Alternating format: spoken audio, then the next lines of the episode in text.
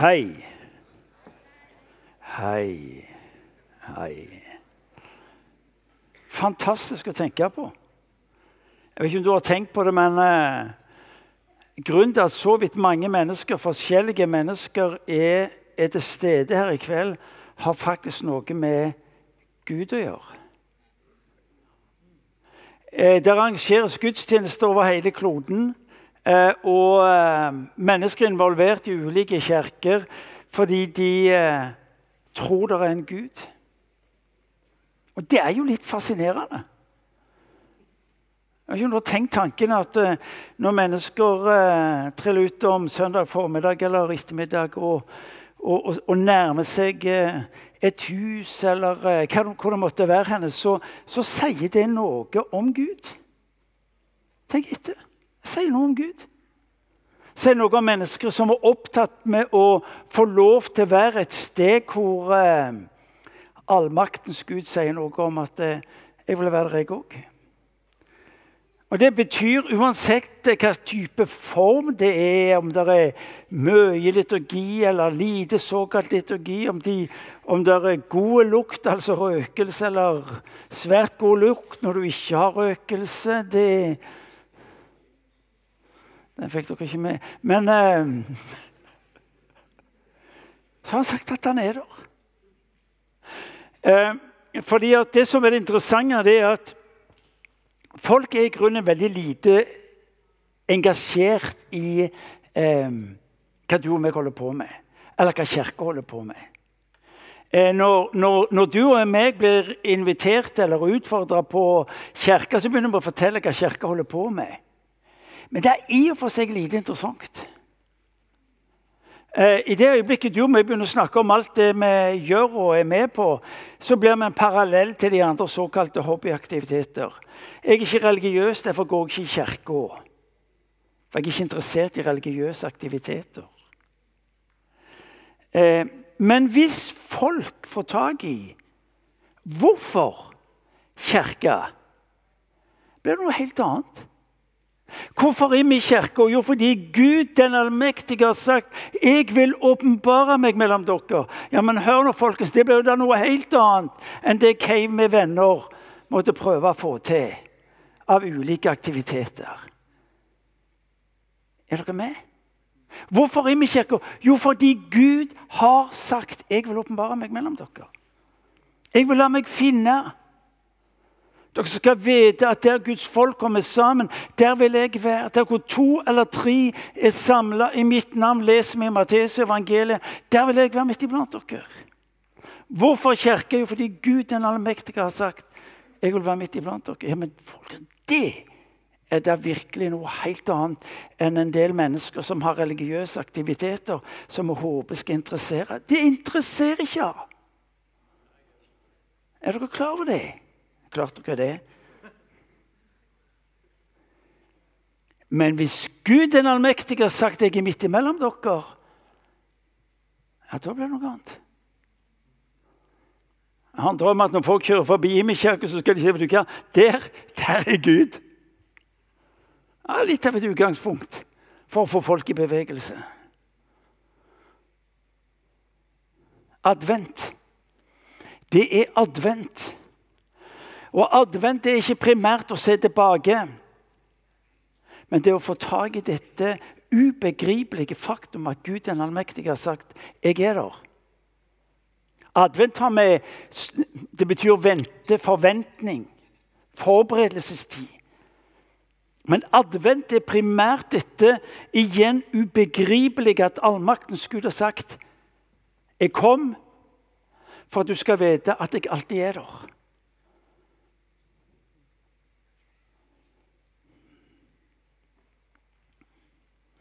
Forventning. Noe av det viktigste i ditt og mitt liv det er, det er forventning. Noe av det mest tragiske det er når livet blir grått, tåke. Jeg har ingen lenger forventning. Og når jeg ikke har forventning, så setter jeg heller ikke fram kroppen for at den skal bli fulgt opp.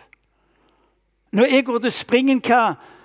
Da har jeg forventning om at jeg nå setter koppen under og skrur opp så fylles koppen opp. Kan du tenke noe så tragisk? Hvis mennesker går til såkalt religiøse møter, kristne møter, gudstjenester, og så har de ikke lenger noen forventning. Hvordan i all verden er det mulig for oss å, å ha gjort gudstjeneste hvor allmaktens Gud har sagt jeg er der, til noe som er kjedelig? Derfor har vi et ønske med gudstjenestene våre i tida som kommer, og her kommer en annonsering. Må du følge godt med. Det at vi ønsker at gudstjenestene våre ikke bare skal være et spørsmål om å synge og høre ei preik og få nyttig informasjon, men vi ønsker at gudstjenesten vår skal være et sted hvor folk erfarer at Gud er mellom oss. Ikke bare med tanke på hodet. Vi tror jo at Gud kan tale. Det er derfor vi har gitt så god plass til forkynnelsen. Men det kan jo tenkes at han vil ta oss inn i noe av erfaringen av hans nærvær. Så det vi ønsker å gjøre med gudstjenestene Vi starter på G18. Så ønsker vi å Jo, vi ønsker å forkynne Guds ord. Vi ønsker å tilbe, men vi, vi ønsker å gi langt bedre plass til tilbedelsen, lovsangen, ettertalen. Hvor vi også vil gi rom for uh, åpenbaringsdimensjonen. Da står det, i, står det i Guds ord om at når dere kommer sammen, så, og så vil vi gi plass for vitnesbyrdet, vi vil gi plass for budskap, vi vil gi plass for at vi ber for hverandre. Og så, og så er det ikke greia hvor de som har litt ekstra god tid igjen, søndag kveld, har tid til å stoppe igjen. Men det, det er selve sentrum i gudstjenesten vår. Er dere med? Fordi vi vil ikke gå glipp av at Gud ikke bare er en Gud som taler på våre gudstjenester, men en Gud som handler. Forvandler liv. Berører oss på en slik en måte at eh, jeg går herifra og merker at Gud har gjort noe i livet mitt. Ikke bare ommøblert tankene mine. Forventning. Advent. Og så har man altså fått lov til å feire nattvær sammen En nødt til Nattværen er i sitt innhold gigantisk. Fordi Gud sier 'jeg møter deg der'. Hvis du har skåret seg for det, hvis du har tryna, hvis du ikke får til, hvis du opplever at livet er for komplisert, så, så er det nesten som han sier Hør nå, jeg møter deg ved nattverden. Ja, men jeg forstår ikke mye, så mye. Så sier han, gjør ikke så farlig, for jeg møter deg der. Hver gang du opplever at livet er et mareritt, så sier han du, La, la, meg få lov. Jeg har gjort det så konkret for deg at nattverden skal få lov til å være et sted. Og når du mottar brødet mottar vinen og hører ord om at dette er mitt legeme og dette er mitt blod, så skal du vite at jeg handler på en måte som du faktisk kan erfare. Tenk på det. Jeg kaller det for erfaringskristendom. Vårt miljø har vært litt bekymra for det. Skal ikke bygge på erfaring. Vet du hva? Når det gjelder nattværen, bygg gjerne på erfaringen. For det er et møtepunkt mellom deg og Gud. Er dere med? Ja. Hva betyr det? Jo, det betyr at det er et sted hvor jeg får lov til å starte på nytt. Fordi det er en påminnelse om en Gud som har steget ned for å berøre, for å forvandle, for å gi deg retning og håp. Denne høsten så har vi fokuserte. Vi har vandra med god hjelp av boka til Dave og John Ferguson som heter 'Å finne veien tilbake til Gud'. En glimrende bok. Du burde lese den minst to ganger, for det har jeg gjort. Og så blir boka en hjelp. Ikke bare til å forstå deg sjøl som en som stadig vekk må tilbake fordi at du glipper litt av og til. Jeg gjør, du gjør, alle gjør med det hvis vi er ærlige. Men det er også en bok som hjelper deg til å spør deg selv hvordan kan jeg bety en forskjell i menneskenes liv rundt meg. Lukas 15 tar utgangspunkt i beretningen om eh, ja, Utgangspunktet er jo litt interessant. Fordi at Jesus møter den såkalte eh, åndseliten. Han møter de som kjenner Skriftene. Og så sier han til dem 'Jeg elsker annerledes enn dere'. Vet du hva? Det er mulig å være så proppende full av uh, kunnskap men kjærligheten er langt vekke. Jesus sier jeg har behov for å fortelle dere noe. Jeg elsker annerledes enn dere. Det er det han sier. Jeg elsker annerledes. Og så gir han de tre beretninger Tre beretninger om en sau som klarte å rote seg vekk, om en munn som ble mista, og en ung mann som eh, ikke skjønte hva han egentlig holdt på med. Men det som er greit å få tak i det jeg nå sier Poenget er egentlig ikke beretningene, poenget er festen som han snakker om til slutt. For det er interessant at hver beretning avsluttes med 'la oss feire'.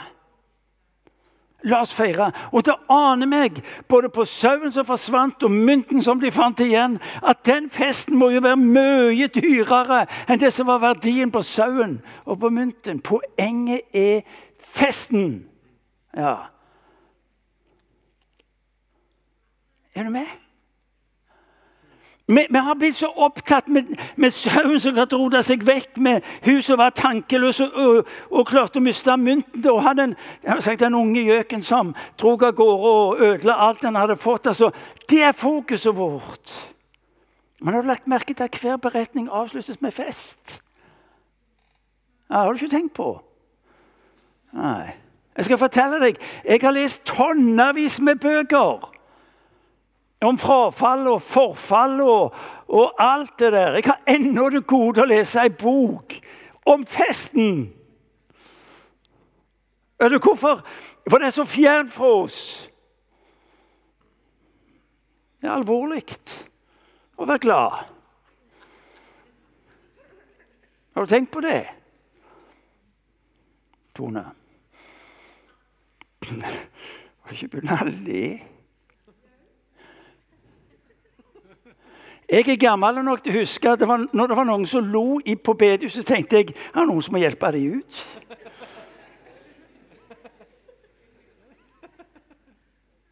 Sånn skal det være.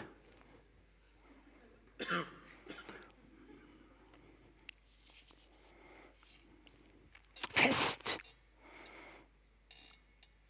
Fest. Partytime. Skal ikke ta av.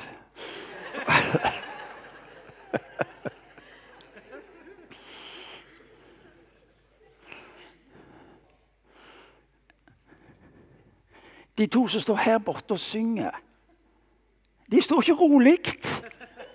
Har du lagt merke til det? Her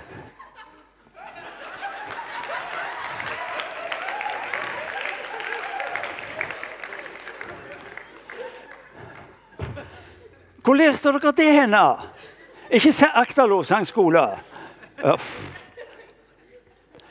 Når jeg vokste opp, så var det et poeng at de som sang, var omtrentlig som høyttalere. Er du med?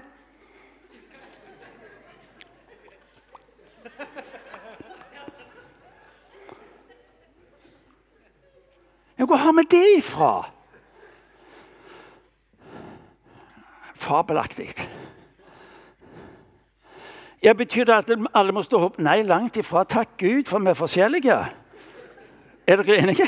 Ja. Har vi broderen på høyre, og så, så får du balansen.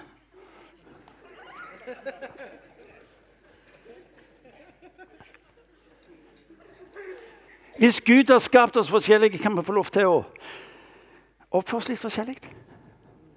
Er dere med? Partytime. Ja. Det er ikke et sted for roboter. Det er et sted i Guds hus for mennesker som har oppdaget at de får lov til å være sønner og døtre, skapt av Gud. Den allmektige som har sagt 'Jeg er midt imellom dere'. Denne høsten sak har vi fått lov til å følge historien om den unge mannen. Den fortapte sønn. Kanskje den mest kjente lignelse i Bibelen på denne kloden. Men for en fortvilelse at det ble hettende den bortkomne sønnen eller den fortapte sønnen.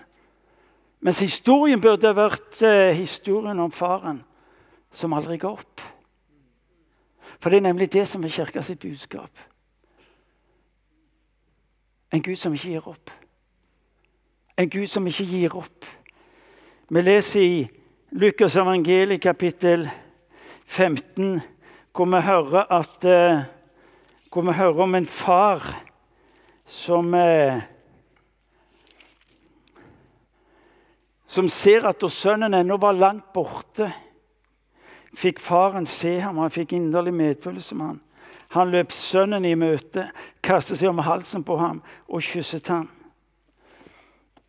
Lukas 15. Hør nå, ikke kall det for den bortkomne sønnen, men kall det for den faren som aldri gav. For det er nemlig han du og meg får lov til å tilbe. Det er han som har et forhold til de av venner, familie, som ennå ikke har våget å tro på han. Skal vite at det er en Gud som gir opp. For det som er det fortvilte, vet du hva det er? Husker dere vitnesbyrdet fra, fra hun som nettopp var kommet til tro, og som, og som fortalte at en dag så valgte jeg å slippe taket på tvilen? Det er så godt sagt. Jeg valgte å slippe taket på tvilen for å forsøke det Gud hadde for meg. Hvor har folk tvilen ifra? Å ja, det er mange gode forklaringer på det. Men det kan jo godt være at jeg har møtt noe hos oss som gjør at jeg våger ikke helt. For jeg er ikke sikker på hvordan denne guden din er. Mens han ennå var langt borte, sier Guds ord. Mens han ennå var langt borte. Hva betyr det? Det betyr at vi leser om en Gud som ser etter de han kan få lov til å berøre. Og forvandle livet til. Da du og meg kanskje lettere finner dommen og døden, ser han hva han ønsker å gjøre. Det starta med sønnen som gikk for lengselen i livet. Dere hørte det helt i begynnelsen. En sønn som gikk for lengselen. Hør nå, vet du, Det er ikke noe galt å gå for lengsler i livet. Gå for drømmene. Det var bare han gikk til feil sted. Gud ønsker jo nettopp å forløse lengsler og drømmer i våre liv. Vi leser beretningen om en ung mann som hadde lengsler, for det var for smalt. Det var ikke godt nok det han møtte hjemme. Og så tok han ut, og så, og så endte han opp på feil sted. Det er ikke galt å ha lengsler. Reklamen er jo nettopp muligheten opp mot lengsel, for det ligger, det ligger dypt i oss som skapte vesener å ha lengsler. Det må alltid være noe mer. reklamens eh, har jo nettet det der at det må være noe mer, noe som er bedre, finere osv. Det trigger det dype hos oss.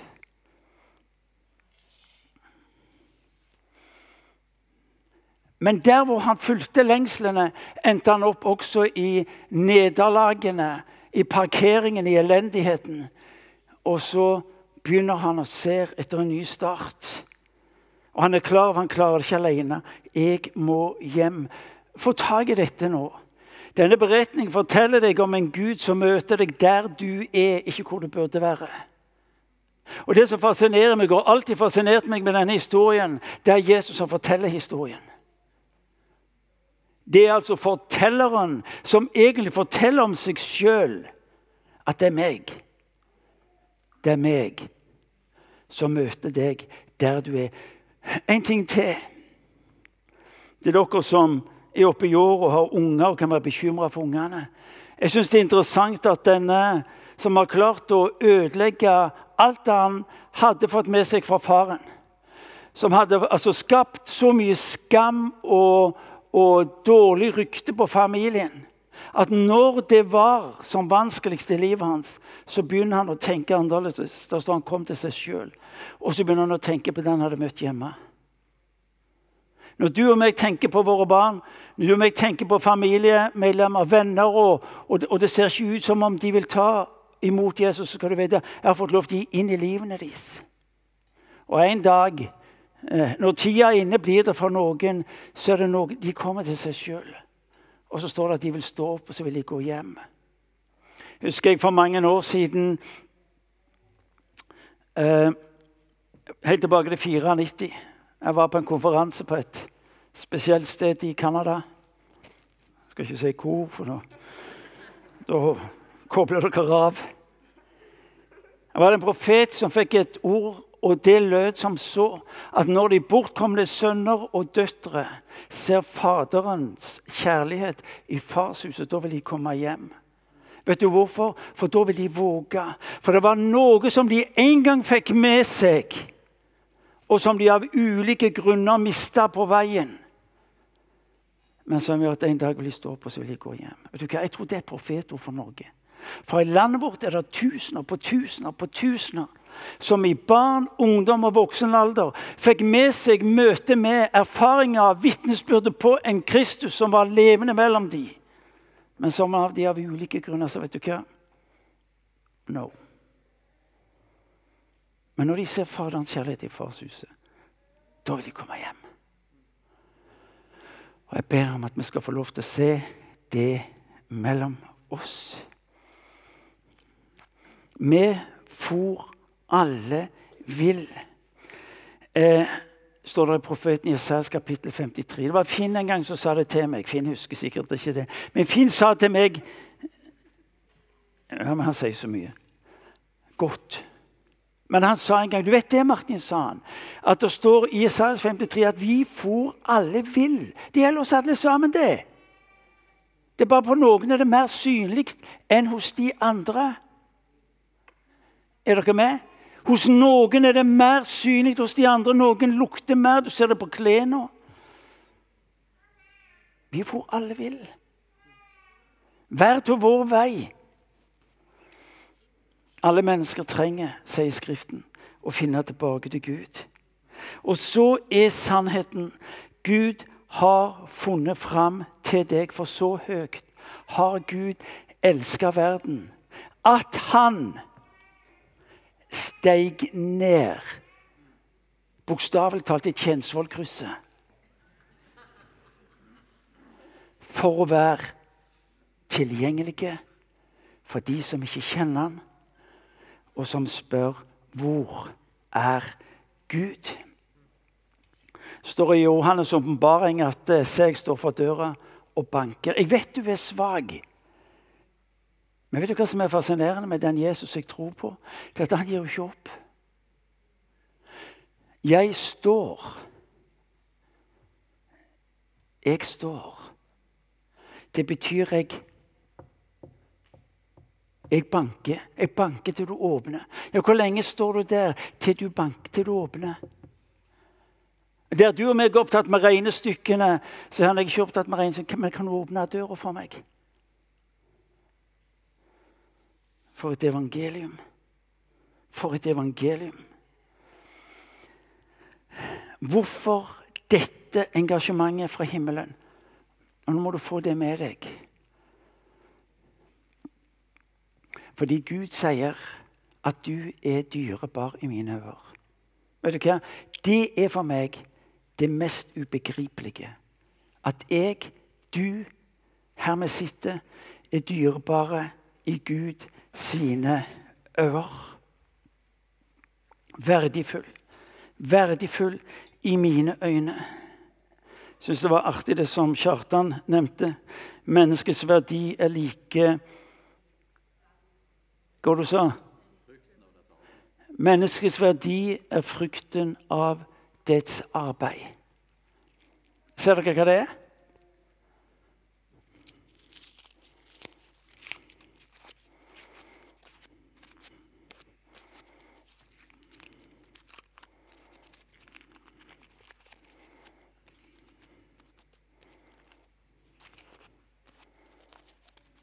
Følger godt med nå.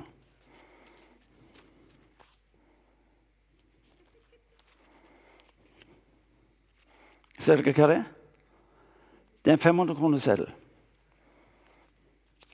Møkkete, sammenkrølla, til og med røva av. Bare la meg forsikre deg om at jeg ikke kan være så tåpelig som det kan se ut som. Så, så har jeg undersøkt at hvis det er mer enn 50 igjen av den delen hvor det er nummer på, så får jeg den refundert.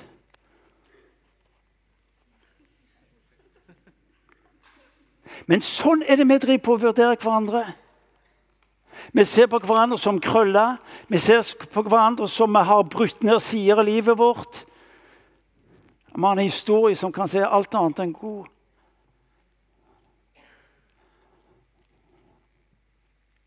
Kanskje har den blitt brukt til ting, denne seddelen. Til det urettferdige, til det umoralske, kjøpt tjenester. Og vi vil se hm. Hva er det Gud ser? Han ser nummeret. Uansett hvordan denne seddelen ser ut.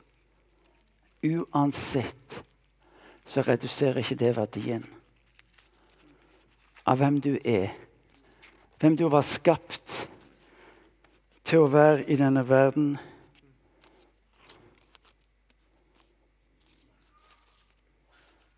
Ser du det? Der du har ditt regnestykke om verdien på ditt liv, sett på basis av hva din historie har gitt deg og gjort med deg, eller hva du sjøl forma ut.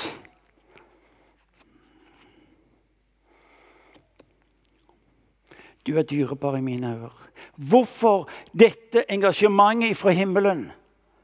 Fordi du er dyrebar i Gud sine øyne. Hva er det som driver oss? Sønnen ba om å få bli tjener. Det er altfor mange tjenere i Guds rike. Nå sier ikke jeg at vi ikke skal tjene, men det er altfor mange tjenere. Barn og ikke tjener synger Sølvi Hopland i sin sang. Faren plasserte han der han hørte hjemme.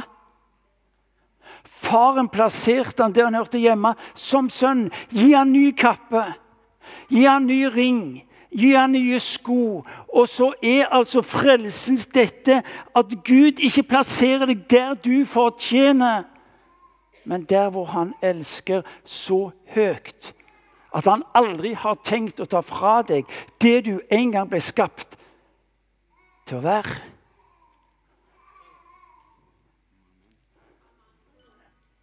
Det er faktisk ikke småtterier. Jane er på jobb, så det ble litt stille da.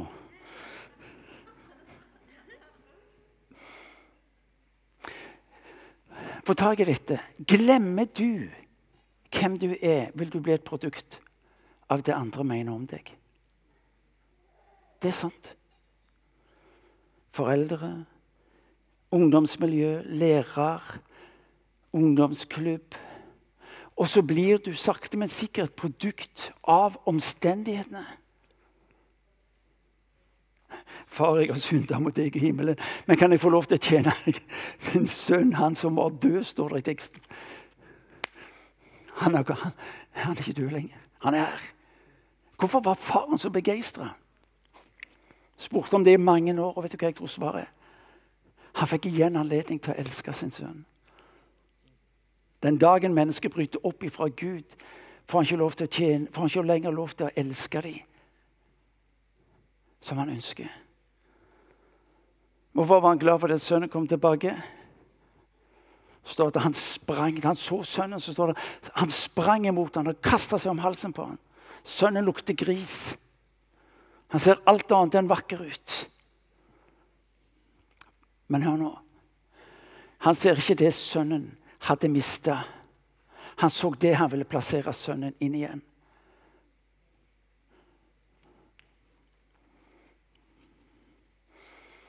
Å komme hjem til Gud er å komme hjem til hans familie. Gud, for en forskjell. Så er ikke livet som kristen balanse på stramme linjer hvor jeg prøver å få til. Nei, han ble ikke plassert i et arbeidsforhold, i en eller annen type bedrift som faren holdt på med. Han ble tatt inn igjen i familien. Å bli en kristen er ikke et vakuum, fordi det nye livet er knytta til familien.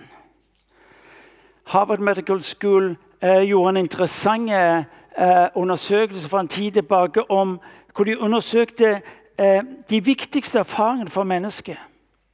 Som hadde størst betydning. Det var to ting. Det ene var måloppnåelse, det andre var fellesskap. Relasjon. Eh, det ligger nedgravd i oss å skulle nå et mål, oppnå et eller annet. Og, og for mange har det også vært ødeleggende. Men det ligger det sunne i oss, at vi er skapt for å ha betydning. Vi er skapt for å være en del av en større historie. Og samtidig er det dette kontakt. Nemlig å få lov til å være en del av en familie. Eh, en har sagt det sånn vi blir bedre sammen. Apostelens gjerninger, kapittel 2, den første kristne menigheten. La oss lese hva vi hører om dem. Eh, kapittel 2 så leser vi at eh, hver dag holdt de trofast sammen på tempelplassen. Og hjemmene brøt de brød og spiste sammen med oppriktig og, med oppriktig og hjertelig glede. De sang og lovpriste Gud og var godt likt av hele folket. Og hver dag la Herren eh, til nye som lot seg frelse. Når Bibelen skal omtale det kristne fellesskapet, så snakkes det om koinonia. Mennesker som er kommet sammen for å tilbe Gud og elske hverandre som Gud elsker den enkelte. Det er dimensjonen på det kristne fellesskapet og menigheten. Det sier noe om, om uh, gruppas betydning. Det sier noe om, om hvordan de bygde opp kirka i urkirken sin. Det var ikke, har dere hørt meg si, det var ikke store kirkebygg, for forfølgelsen rådde i nærmere 300, mer enn 300 år. De møttes i hjemmene. Og så ble hjemmene det stedet hvor kraften var tilgjengelig. Eh, vi driver med vårt for å oppnå ting i livet, men står i fare for å miste fellesskap. Det er faktum. Eh, vi hører lite om, om enkeltmannsforetak i Bibelen. Det er lite av enkeltmannsforetak i Bibelen. Luther går så langt som å si at uten menigheten så kan du ikke overleve.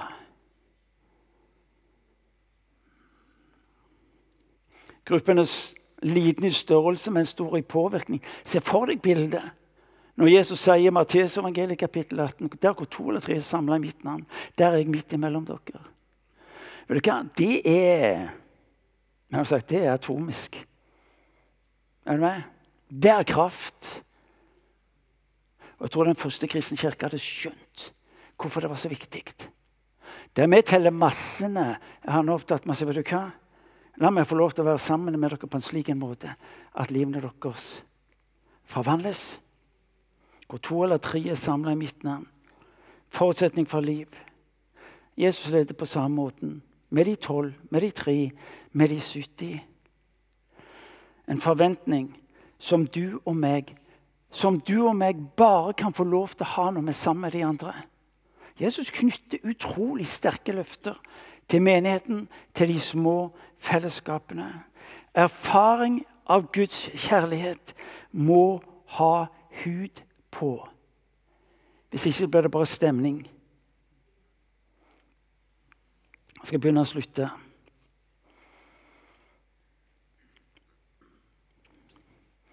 Du og meg har et kall. Hvorfor tilbake til Gud? Fordi at du og meg skal få lov til å bli en del av det Gud holder på med. For å bli en del av det Gud holder på med. Og Det løftet det starta med Abraham, hvor Gud sier jeg, jeg velsigner deg, Abraham, og i ditt navn skal alle slekter velsignes. Det du og meg får lov til å være en del av, det være en del av den velsignelse som menigheten er kalt å gi videre, som starta med Abraham en velsignelsens tjeneste, en velsignelsens liv, en velsignelsens relasjon. Hvorfor tilbake til Gud? Fordi du skal bli hva du er skapt for og frelst til. Vi sang inne på, på bønnestunden før gudstjenesten Abba, I belong to you. I belong to you. Og når jeg får lov til å tilhøre Gud, den allmektige, verdens frelser, så tar seg inn i en relasjon. Men ut ifra den relasjonen får jeg bli en del av det han holder på med. Og Hør hva han sier i 2. brev til Korinterne, kapittel 5, vers 17. 2. brev til Korinterne, kapittel 5, vers 17. Snakk om å bli tatt inn i en jeg har sagt, life purpose, a life mission.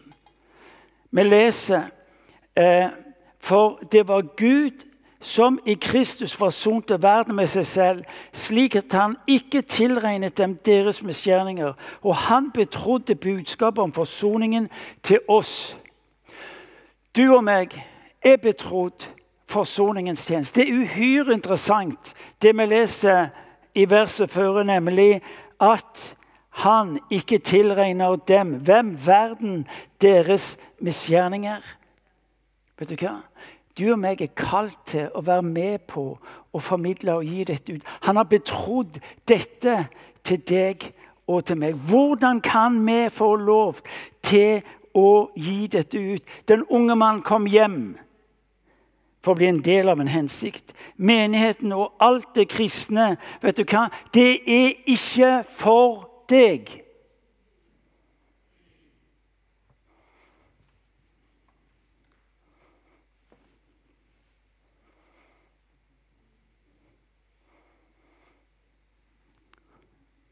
Ser du forskjellen? Meg. Hvis ikke du slutter med denne meg, meg, meg, meg, meg, meg er, er du klar på så kveles du.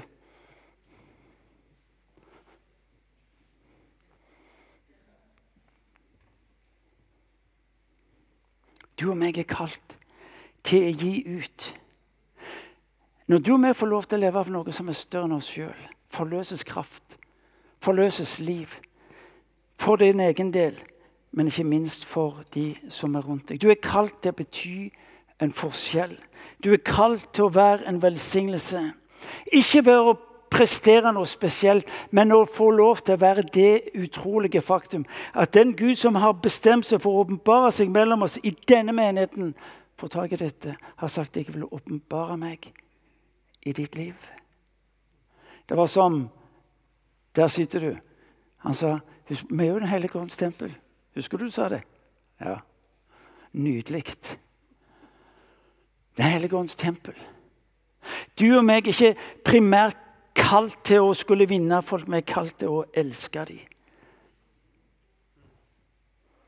Gunnar, jeg syns det var nydelig det du sa. Det er blitt en viktig del av hverdagen min. Vet du hva? Vi går rundt og tror at de som ikke har fått orden på såkalt på troen, syns vi er såpass rare at, vi ikke vil ha noe med de, at de ikke vil ha noe med oss å gjøre. Jeg tror det kryr av mennesker som Gunnar som vil henge sammen. Fordi du har det unike. En Gud som har tatt bolig i ditt liv. Du sa til meg det var veldig trivelig. Det er ikke mye igjen av mørkemannsutgaven der. Vet du hva? Du er kalt til å bety en forskjell. Du er kalt til å få lov til å elske. Du er kalt til å få lov til å velsigne. Dere skal få lov til å ta imot eh, en god venn. Han er flyver. SAS har ansvaret for hundrevis og tusener av mennesker hver dag og hver uke. Eh, ta vel imot Nils Einar.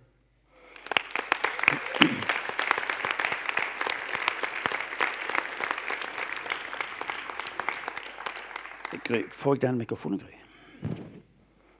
Bare kom opp her, du. Nils Einar, kult. Tenk å være flyger, du. Eller fyger, som vi i min ungdom. Vi skal ikke begynne å spørre om hvordan det er å være fyger. Men, men, det som fascinerer meg med deg, og som oppmuntrer meg ved deg, eh, Nils Einar, det er at uh, du alltid har hatt du har alltid hatt en interesse for et fokus på å ville bety en forskjell i folk sine liv. Si litt om det. Eh, ja, Det begynte vel egentlig da jeg var 25. Eh, da jeg leser i eh, Johannes 14, der det står at vi skal gjøre de samme gjerningene som Jesus gjorde. Og Da så jeg veldig lite av rundt meg, så da begynte jeg egentlig en vandring i forhold til å så Gud. Hvor hen er det i forhold til helbredelse? Det var det som var mitt fokusområde, som jeg begynte med. Eh, men det har nok forandra seg litt i forhold til at eh, det som jeg brenner for mest nå, er at jeg skal, det som Martin har vært inne på her i kveld, at jeg skal få finne den mest verdifulle relasjonen som finnes. Eh, relasjon med en levende himmelsk far. Så det er det beste som jeg kan få tak i. Ja, Vil det si at du slår på på intercommentary 'This is the captain speaking'? I have an announcement. Det hadde nok valgt litt, eh, eller ført til litt oppmerksomhet, så jeg, du har, du, jeg, jeg, jeg, tar ikke, jeg, tar ikke, den. Nei, altså det, du har ikke, Men, men du, du, finner en annen Poenget mitt er At det er ikke bare én måte å gjøre tingene på. og Det er noen måter du faktisk kanskje ikke skal velge i det hele tatt. Men ut ifra en naturlig relasjon, hva er det du gjør, Nils Einar? Fortell. Vi sitter jo veldig tett, to stykker der framme, eh, ofte i timevis. Eh, og, og, vi får dele liv. Vi får snakke om ting som opptar oss. Eh, og, og, da er det naturlig å høre med naboen hva, hva holder du på med av hobbyer og interesser. Og så forteller jeg hva jeg holder på med. Og Da kommer jeg inn på IMI og menigheten, helbredelsesrommet som jeg får lov til å være en del av. Der jeg ser at Gud helbreder og gjør gode ting. Eh, og da skal, skal Ja, ja, bare for, Men før, før, du, før, du, går videre, setter du på autopiloten før du begynner? Ja, den, den står jo på, men vi pass, passer hele tida på. At altså, autopiloten står på? Ja, at flyet, flyet gjør det som man skal. Okay, ja, ja, så, så det er trygt og godt. Bare gå videre. Ja. Eh, slik at eh, altså, Jeg er jo heldig som får være med i helbredelsesrommet, der vi ser at Gud eh, helbreder. Eh, hver eneste lørdag som vi har helbredelsesrommet, så er det folk som blir møtt på indre ting, ytre ting. Eh, som går ut igjen eh, og er rikere i forhold til at de har fått et møte med Gud og mennesker som er glad i dem. Så, så det skaper frimodighet. og når vi kommer inn på, på å dele liv, så spør jeg ofte hvis de forteller at de har et eller annet sykdom eller ting i kroppen som de sliter med, så sier jeg at jeg ser at Gud helbreder, så hvis du vil, så kan jeg be for deg. Eh, noen sier nei, men veldig mange sier ja. Og denne høsten så har jeg opplevd nesten et skifte, vil jeg påstå. Der jeg opplevde at Gud talte til meg i september, der han sa at jeg har holdt meg litt taus den periode. Men nå går du inn i en ny fase. Eh, og du skal få merke det. Og, denne høsten har vært veldig spesiell. Eh, da kan jeg bare trekke over kanskje et vitnesbyrd. Ja. Vi fløy i lag med en kapteinskollega fire dager. Jeg fikk lov for å fortelle historien etterpå, så han er godkjent. eh, og vi fikk en veldig god dialog, og, han eh, hadde en far som hadde vært kristen. Eh, han var død nå, noen år tilbake. Men han ble veldig glad i far sin han var litt, selv var han litt i opposisjon til faren i oppveksten. Men faren takla han på en utrolig fin måte, så når han var litt eldre, så fikk de to en veldig fin relasjon.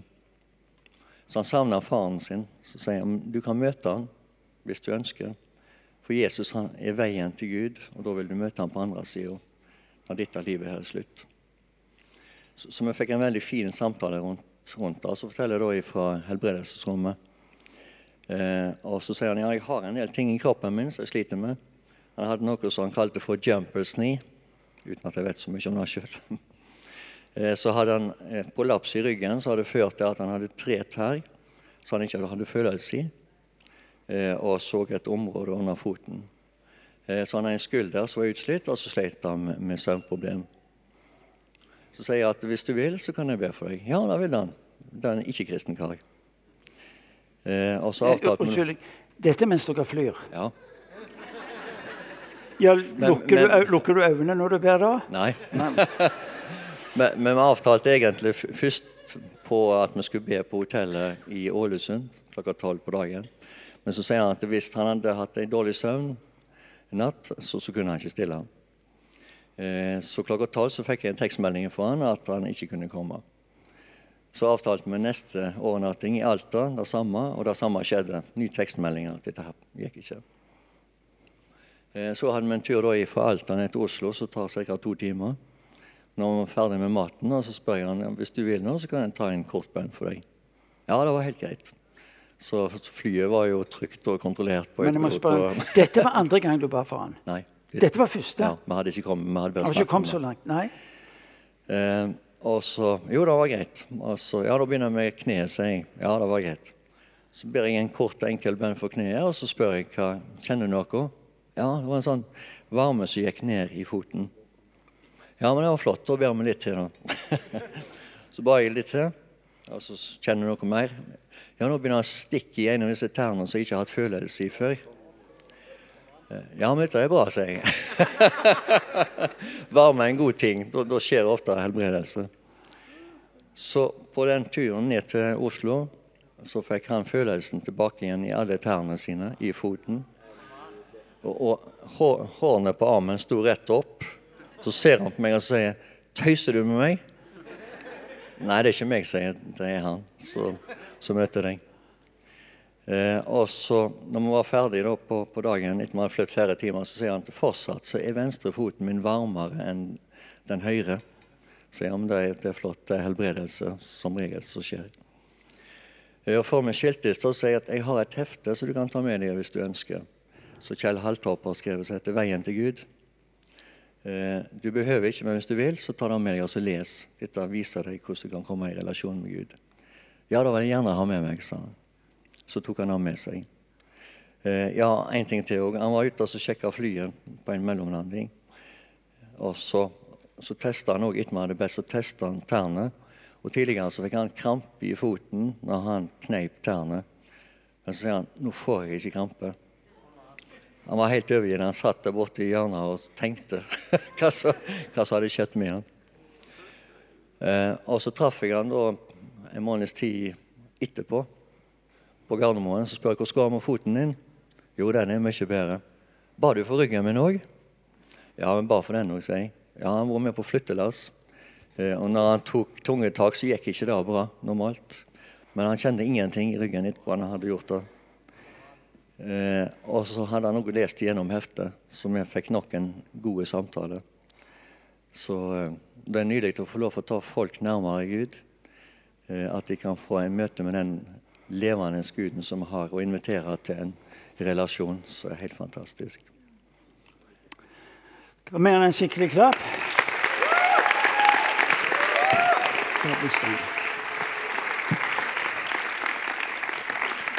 Kan jeg, eh, kan jeg be dere om å reise dere? Du inviteres til på bakgrunn av det dere har hørt, å være med i det fellesskap som hjelper deg til å leve det livet Gud har kalt deg til. Du, det skjer ikke ved å leve i vakuum. Det skjer ikke ved å leve isolert. Eh, det skjer ved at du blir en del av det Gud har gitt deg å få lov til å leve i, nemlig menigheten. Det andre er du er kalt til å være en velsigner. Ikke i kraft av at du skal gjøre en hel masse ting, men bare ved å stille spørsmål hva er det du holder på med. Og Så får du lov til å sette navn på det du holder på med. Og så blir det utgangspunktet for samtalen hvor du kan, få lov, kan jeg få lov til å be for deg så kan jeg be deg om rett og slett å legge hånda di på hjertet ditt. Og så vil jeg at du skal jeg vil at du skal be en bønn sammen med når Nils Einar nå ber. Hvor han vil be om at du skal eh, invitere Jesus ved sin ånd til å ta deg inn hvor, på de steder hvor du kan få lov til å være en velsigner. Hvor du kan få lov til å tilhøre et fellesskap som hjelper deg til å leve ut det han har for deg. Eh, kan du be om det for oss, eh, Nils Einar? Far, vi takker deg, Herre, for at du har gitt av ditt liv, her i vårt indre. Takk for at du har gitt oss din gode Hellige Ånd, Herre. Og at du ønsker at da livet skal flyte ut, Herre, med ånd og med kraft, Herre, og møte mennesker, Herre. Jeg ber om at du skal gi oss frimodighet, Herre, til å handle på at du er kilden, og at vi kan få lov for oss å slippe deg fram, Herre, ut ifra livene våre, Herre ut til mennesker, Herre, med din kjærlighet, med din kraft, Herre. På en sånn måte at eh, mennesket blir forandra, forvandla, Herre, og får møte deg, Far. For du er en Gud som elsker, Herre. Du har alltid elska og vil alltid elske, Herre. Derfor ber vi, Herre, om at din kjærlighet skal velle ut på en helt konkret måte midt i hverdagen vår, Herre. At mennesker skal bli møtt og frelst, Herre, av deg, Herre. Gjennom vårt liv, Herre. Gi oss frimodighet, Herre.